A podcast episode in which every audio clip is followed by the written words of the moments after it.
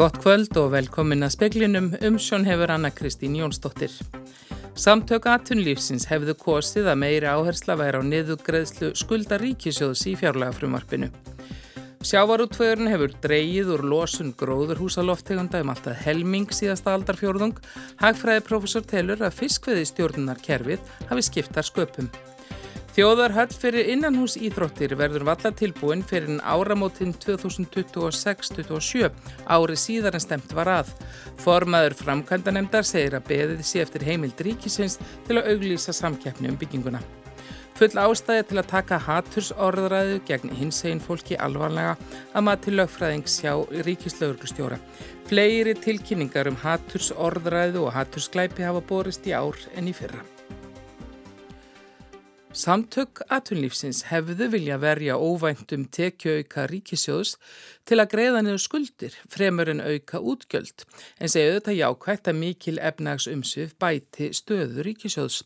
Anna Hrefna Ingemyndadóttir, aðstofa framkvæmdastjóri í HSA, telur að í fjárlega frumarpinu sé ekki nógu mikil áhersla lögð og aðgerir til að draga úr verðbolgu og lækka vexti. Og eins og kemur fram í frumarpinu þá er dæmigert Íslands heimilega greiða miljón krónur í vakstakostnaði gegn ríkisjóð á næsta ári og þetta er auðvitað staða sem við viljum breyta þannig að við hefum viljað sjá meiri áherslu núna og undanfærin ár að eh, verja óvæntum tekju auka fremur til niðugræslu skulda heldur en aukina útgelda eins og hefur verið raunin. Þetta er mjög kræfjandi efnaðsumkari því ég er ekki neyta uh, og við sjáum það með til dæmis í fjárlagfrimorfinu að uh, tveir þriðju hlutar af útgeldaukningunni á næsta ári eru launa og verðlagsbreytingar og mér þykir það undirstryka mikilvægi þess að ná skynsalöfum kjæra samningum. Saði Anna Hrefna Ingemyndardóttir og nánari fjallan um þetta í sjónvarsfréttum klukkan 7.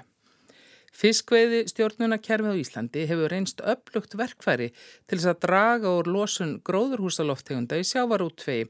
Profesor segi grátlegt að kerfið sé ekki flutt út til annara landa.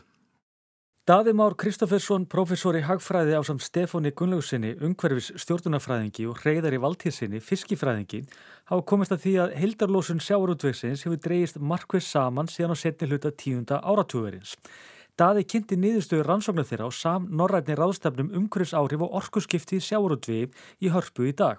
Frá 1997 hefur sjáurútvegurinn dreyjur lósun gróðrúsaloftegunda um alltaf helming. Og þess, þetta er kallað carbon intensity og það er þetta sem hefur lækkað gríðarlega á undanförnum árum en það er alveg rétt að þér, það hefur líka heildarlósunin hefur líka minkað mikið. En hver er þá ástæðan? Ég myndi segja allavega niðurstöðunar og rannsóknin okkar er að þetta sé fyrst og fremst góð fiskveiðstjórnum og sennilega eru Íslendingar já, leiðandi þjóð hvað var þar að draga úr lósun uh, á, í matvælaframleyslu bara í heiminu. Það þýðir þó ekki að ekki segja að gera betur í sjávarótvegi Draga þyrti úr jarðeldsneitisnótkun en þar eru yngir auglósi kostir enn sem komið er. Þó verður ekki litið fram hjá því að fiskveðistjórnarkerfið er upplugt verkfæri í barátunni við loftslagsvána, ekki bara hér á landi. Heiminum almennt væri hægt að ná miklu betri árangri einfallega bara með því að bæta fiskveðistjórnun og það þyrti ekki að skipta um tækni. Byrjum þar, það myndi skila margkvöldum árangri bæði í náttúrulega sjálfbærari veiðum lífræðilega en líka betri efnahag. Eh, þannig að það er raunverulega grátlegt að, að við skulum ekki vera að flytja þessar hugmyndir út.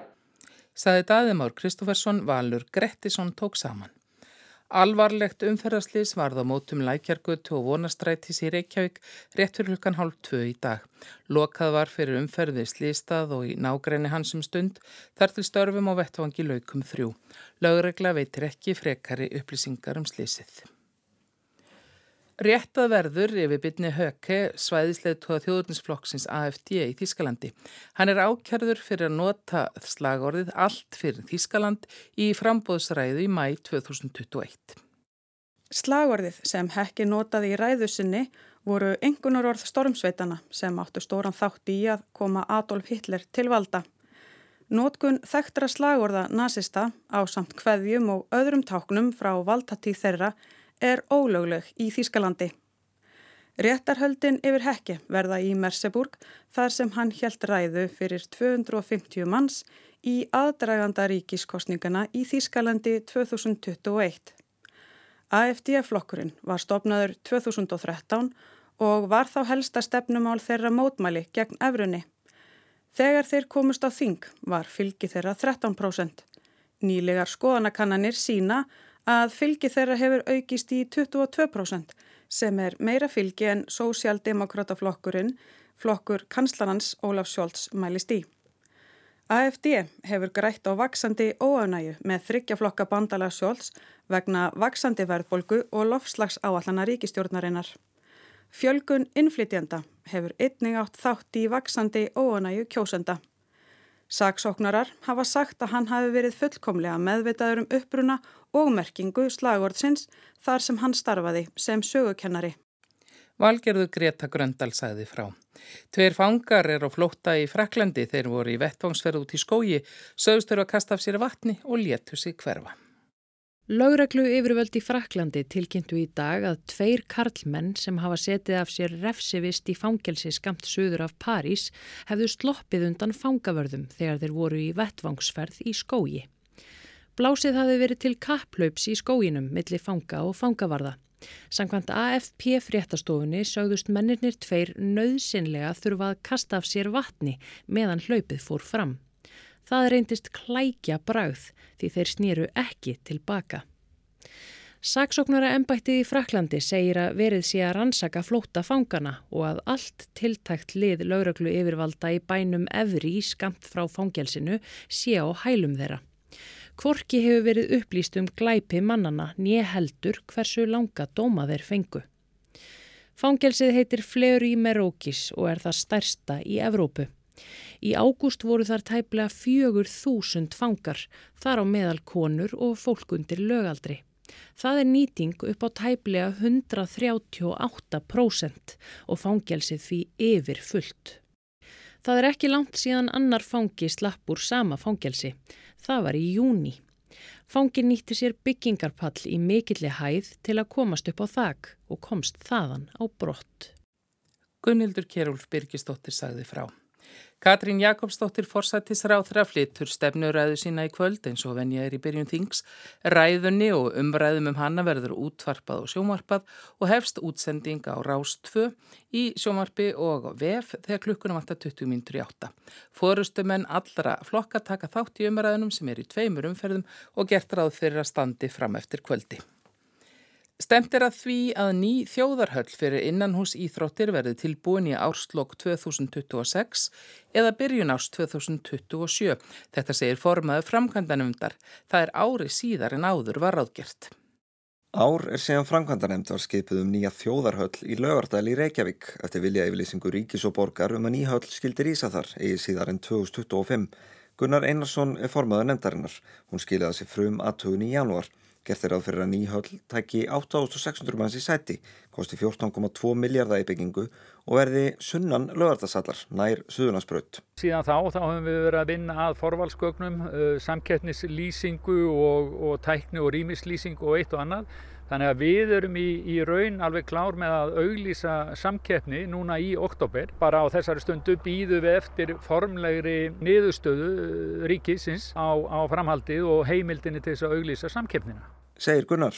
Frá því höst þegar ríkistjónin kynnti fjármála áallun og frestun framkvæmda hefur þótt ljóst að áallanir um að höllin rísi 2025 standist ekki.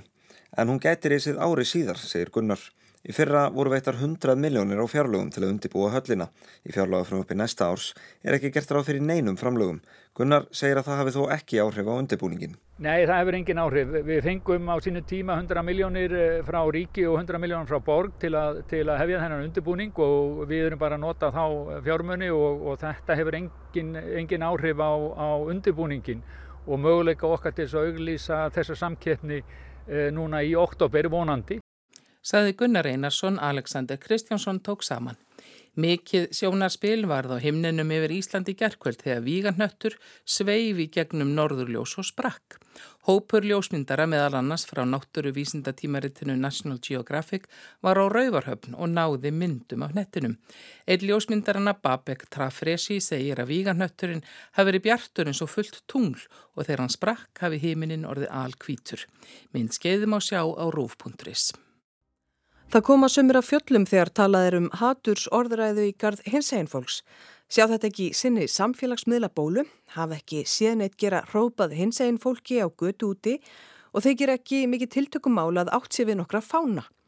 En þetta eru táknmyndir hinsegin fólks, það er sögn í því að klippa neður hinsegin fána í kringum hinsegin daga og mála á og yfir regnbúa fána og götu úti. Ítrekkaðar skemdir á táknmyndum eru ekki tilviljarna kent strákapur, heldur einmitt spjöll, þrungin merkingu. Eða hvernig lítur ennbætti ríkislauruglustjóra á það? Marja Rún Bjarnadóttir er lögfræðingur hjá ennbættinu, er hatursorðræða í gard hinsegin fólks á Íslandi.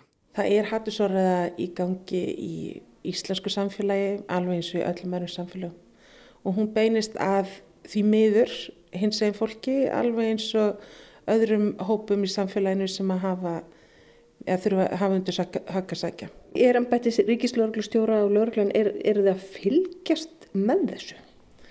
Þegar við erum að tala um hattur og, og tjáningu hatturs, að þá er það auðvitað svona alveg eistu mörg á tjáningu En þú getur líka verið með ofsakenda tjáningu, þú getur verið með tjáningu slæmra og ræðilegar hluta sem að ná kannski ekki alveg í að vera hatur, þá séu fordómafullir, heimskulegir, ræðilegir. En þarna geta skilin á milli verið tilturlega óljós. Þannig að við auðvitað verðum að halda vöku okkar gagvart í þegar það er einhvers konar hatustjáning í gangi og auðvitað líka þegar við sjáum svona eins og við höfum verið að sjá undafarið þar sem að er kannski ekki alltaf um að ræða hatur en auðgafulla fordóma sem að eru skadleir e, bæði fyrir þá sem að tilhera þeim hóp sem að verða fyrir þessar umræðu en þetta er líka skadlegt fyrir samfélagið allt og ég held að það skiptir svo miklu máli við höfum það í huga að þegar einhverju taka þessar að ráðast að hópi eins og hins eginn fólki þá skiptir einhver máli hvort þú tilheri þeim hópi eða ekki það verið að ráðast að líðræðislegum gildum. Hvað er hattusorðræða? Hver er munurinn á hattusorðræðu og síðan kannski bara einhverju fordómafullri umræðu sem er ekki hattusorðræða? Sko hattustjáning og hattusorðræða er sem sagt tjáning sem getur verið í hvaða formi sem er. Hún þarf ekki að vera orð, hún getur verið mynd, hún getur verið verknar, hún getur verið list þess vegna sem að e, nær ákveðinu svona alvarleika stíi og beinist að einhverjum aðila eða einhverjum hópi út af því hvað þeir eru. Og það eru það ákveðið þættir sem að njóta þessara vendar sérstaklega og hins eginleikin er þar á meðal. Og ástæðin fyrir því að við gerum greinamun á aukafullri tjáningu eða fordómafullri tjáningu og síðan hatustjáningu er vegna þess að reynslan sínir auðvitað það að haturstjáning sem grassirar og hún getur valdið hatursklæpum og hún getur valdið reynlega styrjöldum eins og við höfum séð. Þannig að, að það er mikilvægt að við strömmum okkur af sem samfélag og pössum að, að við séum ekki að leiðast út í eitthvað svona. Eru þið að greina þetta með einhverjum hætti? Já sko við fylgjumst með tölfræði um tilkynningar um brot, um haturstjáningu Við líka heldum utan að um tölfræði um sagt, þegar fólki er sinjað um verslun eða þjónustu eða afgriðslu. Það er ákveð forma hatri eða, eða öfgafullum fordómum. Og svo líka núna eftir síðustu lagabreitingar að þá er það þannig að ef að eitthvað afbrott er framið og mótivasjónun á bakviða er hattur, að þá getur það verið hattur sklæpur. Þannig að við höldum líka utan um tölfræði um það og við, og við sjáum aukningu í þessu. Auðvitað vitum við ekki hvort að það að þessi aukning í brotum eða bara aukning í tilkynningum en það með þessi brot eins og öll önnur að við viljum að talan sé lág en við viljum að öll brot séu tilkynnt. Þegar þú segir að þið sjáu aukningu, er það þá í hatturs tjáningu eða þá hatturs glæpum? Í báðum. Við sjáum aukningu í báðum tilkynningum til okkar. Og við, við höfum alltaf líka bara lagt okkur fram núna eftir því sem við erum að sjá þessu umræðu og, og eftir að við stopnum til samstarfs við samtökið 78 að leggja okkur sérstaklega fram að heyra og, og sjá uh, þessa, í raun og veru þessa byrtingamind af hatri sem að beinist gegn hins eginn fólki. Þið eruð í einhvers konar samstarfi með samtökunum. Hvað fælst í því? Embættir Ríkslögstjóra gerði samstarfsamning við samtökið 78 í honum fælst meðal annars að við höldum öllum samskiptalegum opnum þannig að ef að samtökinn eh, verða vör við tjáningu hatturs eða hattursklæpi eða eitthvað tilkynning til þeirra þá eiga þau auðvelt með að koma á framfæri til okkar og í svona skjótan farveg þannig tilkynningum. Við erum líka að e, njóta góðs af sérþekkingu samtakana þannig að við erum búin að gera samning við þau um að þau útbúa fyrir okkur fræðslu og þau eru með námskeið fyrir okkur og þannig eru við náttúrulega stöðla að því að vinnubra lauruglu taki sem mest mið af réttindum og þörfum þessa hóps. Mér heyrist á þér að ennbætt ríkislauruglustjóra hafi á einhverjum tímpunkti ákveðið að það væri ástæði til þess að taka þessa orðræðu alvarlega. Já, absolutt. Og ég held að það sé full ástæði til þess, bæði fyrir laurugluna en líka fyrir samfélagið. Við sáum náttúrulega núna í aðdraganda e, prætt að þá sáum við að það var verið að líma bara fortumafulla og, og hatursfulla límiða á starfsstöð samtakana og það auðvitað er ekki gott og, og kallaði viðbröð af okkar hálfu sem að, sem að sannlega fór í gang. Og ég held að þessar atbyrði sem hafa áttu sér til dæmis staði prætt í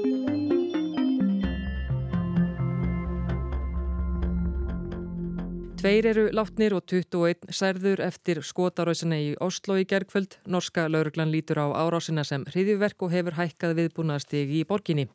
Flest bendir til þess að árásarmadurinn hafi vísvitandi ráðist að fólki sem þar var að skemta sér í aðdraganda gleðigöngunar Oslo Pride sem átti að vera í borginni í dag. Það er þetta gerða verkum að við fórum í að skoða hvað við getum gert betur til að tryggja öryggi fólks í í þessari frábæru göngu. Það hefur verið sagt frá því að það hafi borist hótanir, hins eginn fólki hafi verið borist hótanir. Mm -hmm.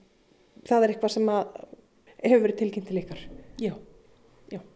Er það algengt eða? Hótanir eru svona brot sem eiga sér stað reglulega. Um, við auðvitað tökum það sérstaklega alvarlega þegar um er að ræða hótanir sem að varða líkamsmiðingar eða, eða eitthvað slíkt. Um, og við setjum bara þessar meðferð þessara mála í, í sömu eh, sama farveg og, og aðrar hótanir.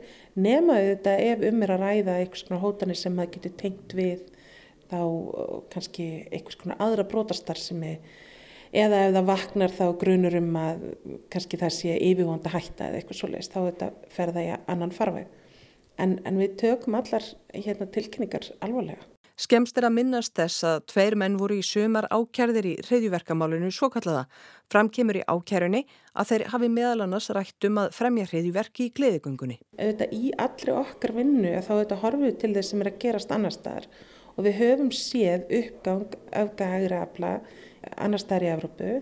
Við höfum séð árásir á hins eginn samkomur, hins eginn göngur, hins eginn fólk út um allt, allan heim ekki bara í Evrópu og það er aukning í þessu og þá er þetta sjálfsögðu fylgist við með því hérna líka og viljum vera vissum að við stöndum vörðum um öryggi þeirra sem eru að yfka tjáningafrælsi sitt eða, eða bara fræls til að vera sko.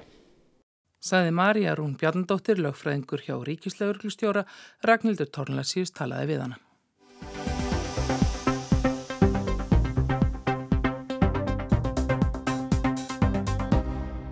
Það urðu fagnæðarfundir þegar er Vladimir Putin, Rúslands fórseti og Kim Jong-un, ennvaldur í Norður Kóriu, hittust í dag. Fundur þeirra var haldin í Vostosni, gemfarðastöðinni í Amur héradi í Sýberju, austast í Rúslandi.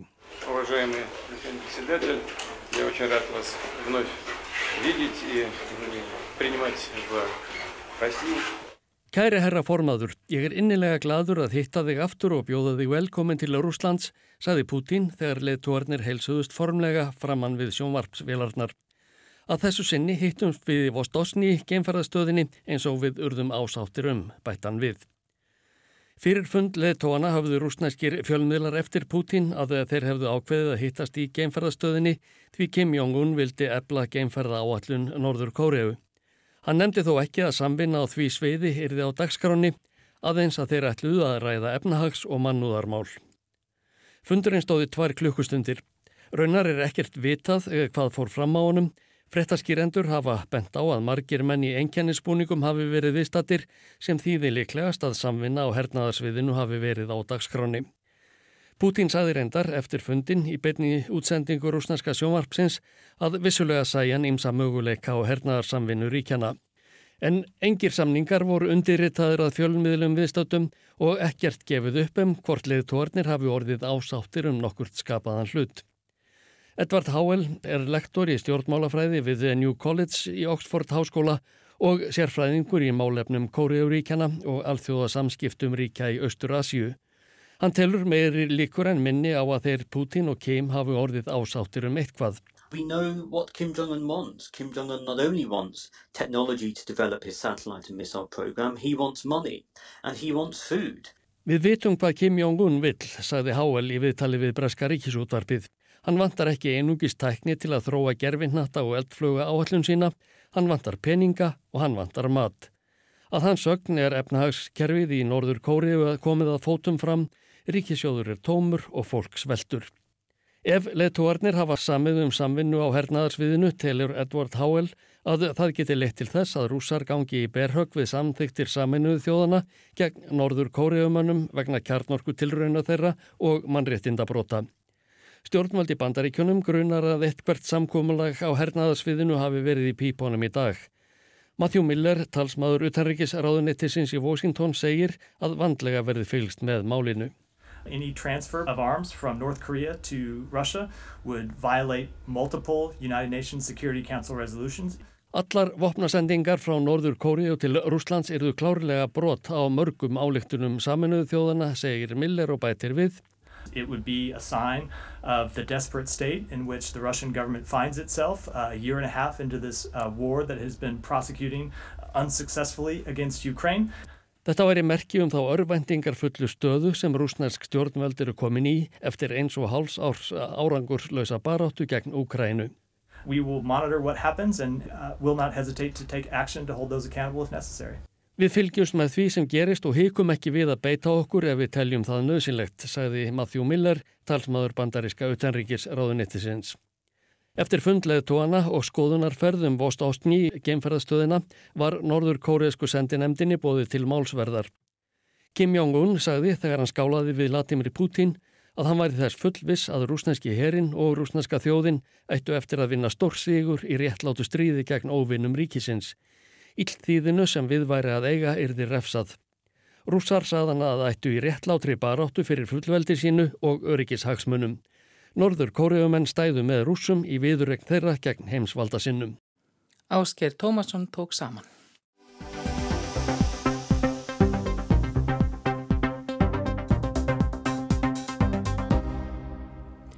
Beitarlönd upp til fjalla teljast mörg hrunin eða hruni komin sanga nýri rannsókn á ástandi vistkerf á Íslandi.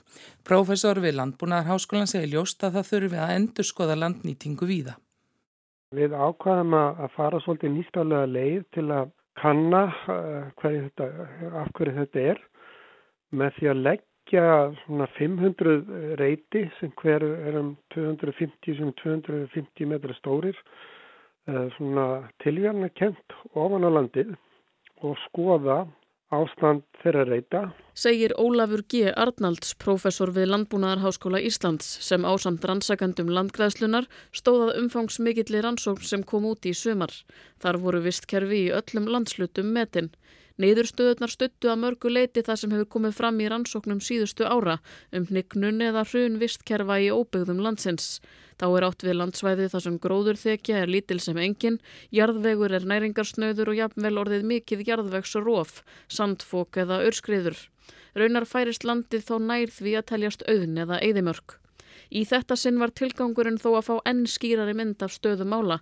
Þá kom helst á óvart hver miklu munaði á stöðu lands í fjálslíðum milli landsluta. Já, það sýnir sig að, að ástand lands og, og er, er afskafla háð hæð yfir sjámáli. Þannig að ástandi er verið rétt í smófa drefur en þar skiptir líka mjög miklu máli að það fer eftir landslutum hvað hæðin eða svona hefur, hversu afgerandi áhrif hæðin hefur. Þannig á Annesjum, Norðalands til dæmis, eh, Vestfjörðum og að þá, þá hérna eh, er ástandlands slemt ef maður fer til dæla lágt upp í fjöllin en inn til landsins eins og Norðurlandi þá, og, og, og sem starf Suðurlandi þá er helst ástandið gott miklu harra til fjalla. Rannsakendur vildu einnig skýra hvaða þættir valdi því að sumstaðar þóli land mikinn ágang manna máleysingja og náttúruabla en annar staðar þurfi lítið rask. Það eru kannski fyrst og fyrst votlendin sem að útskýra það. Þau hafa þólað þetta hjakk á landinu í 1150 ár en land sem að stendur hátt, land sem stendur í miklum bratta þess að land sem er þurft og land eh, sem er kannski nálægt okkar helstu eldstöðum. Það er á þeim svæðum að hafa visskerfin helst hörfað og, og, og á þeim svæðum hefur við einmitt orðið þetta algjöra visskerfisrun.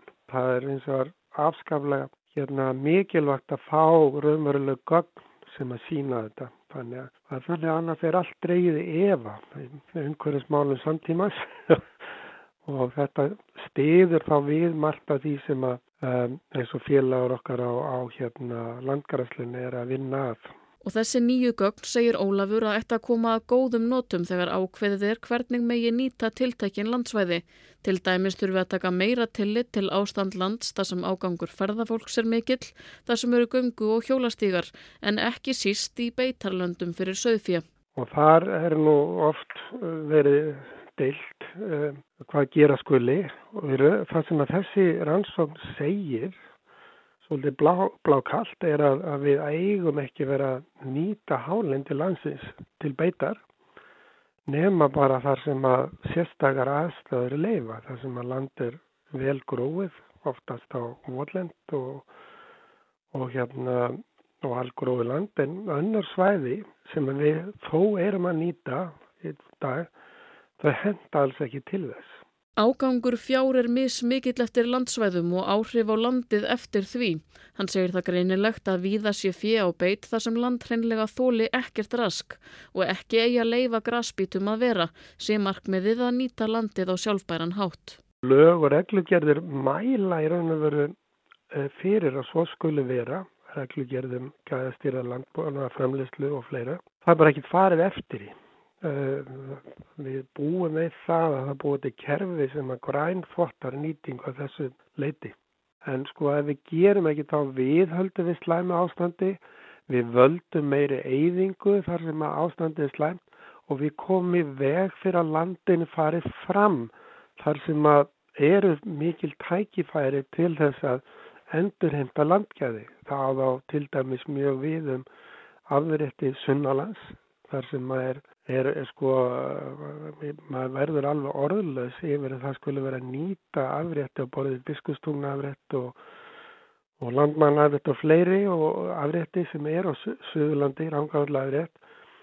En þetta er, hérna, já, en það gengur svolítið erfilega að horfastu auðu við þessar staðarindir. Ólafur segir gildi þess að endurhemta landgæði vera ótvírætt. Ástand jarðvegs og gróðurs í landinu skiptir sköpum til dæmis þegar veðuröfgar færast í aukana og hefur áhrif á losun gróðurhúsaloftegunda. Það síðan er byggjum visskerfi til framtíðar þar sem nú er alveg verið eðumerkur eða visskerfi mjög slæma ástandi hefur líka gildir til að tryggja framtíð fólks í þessu landi því að ástand heimsmála geta farið allavegana og um leiðu við byggjum þessar öðlindir að þá erum við að byggja fæðu forðabúr landsins til framtíðar. Sagði Ólafur G. Arnalds, Ólafur Rún Erlendstóttir tók saman. Veðurhorfur á landinu til miðnættis annað kvöld, það verður minkandi austlæg átt í kvöld og nótt, fremur hæg, norðlæg átt á morgun, dáli til væta sunnan til en fyrir austan á morgun og hitti breytist lítið. Fleiri er ekki í speklinum í kvöld, tæknimaður var Magnús Þorsteit Magnússon, Marget Júli Ingimarsdóttir stjórnaði útsendingu, veriði sæl.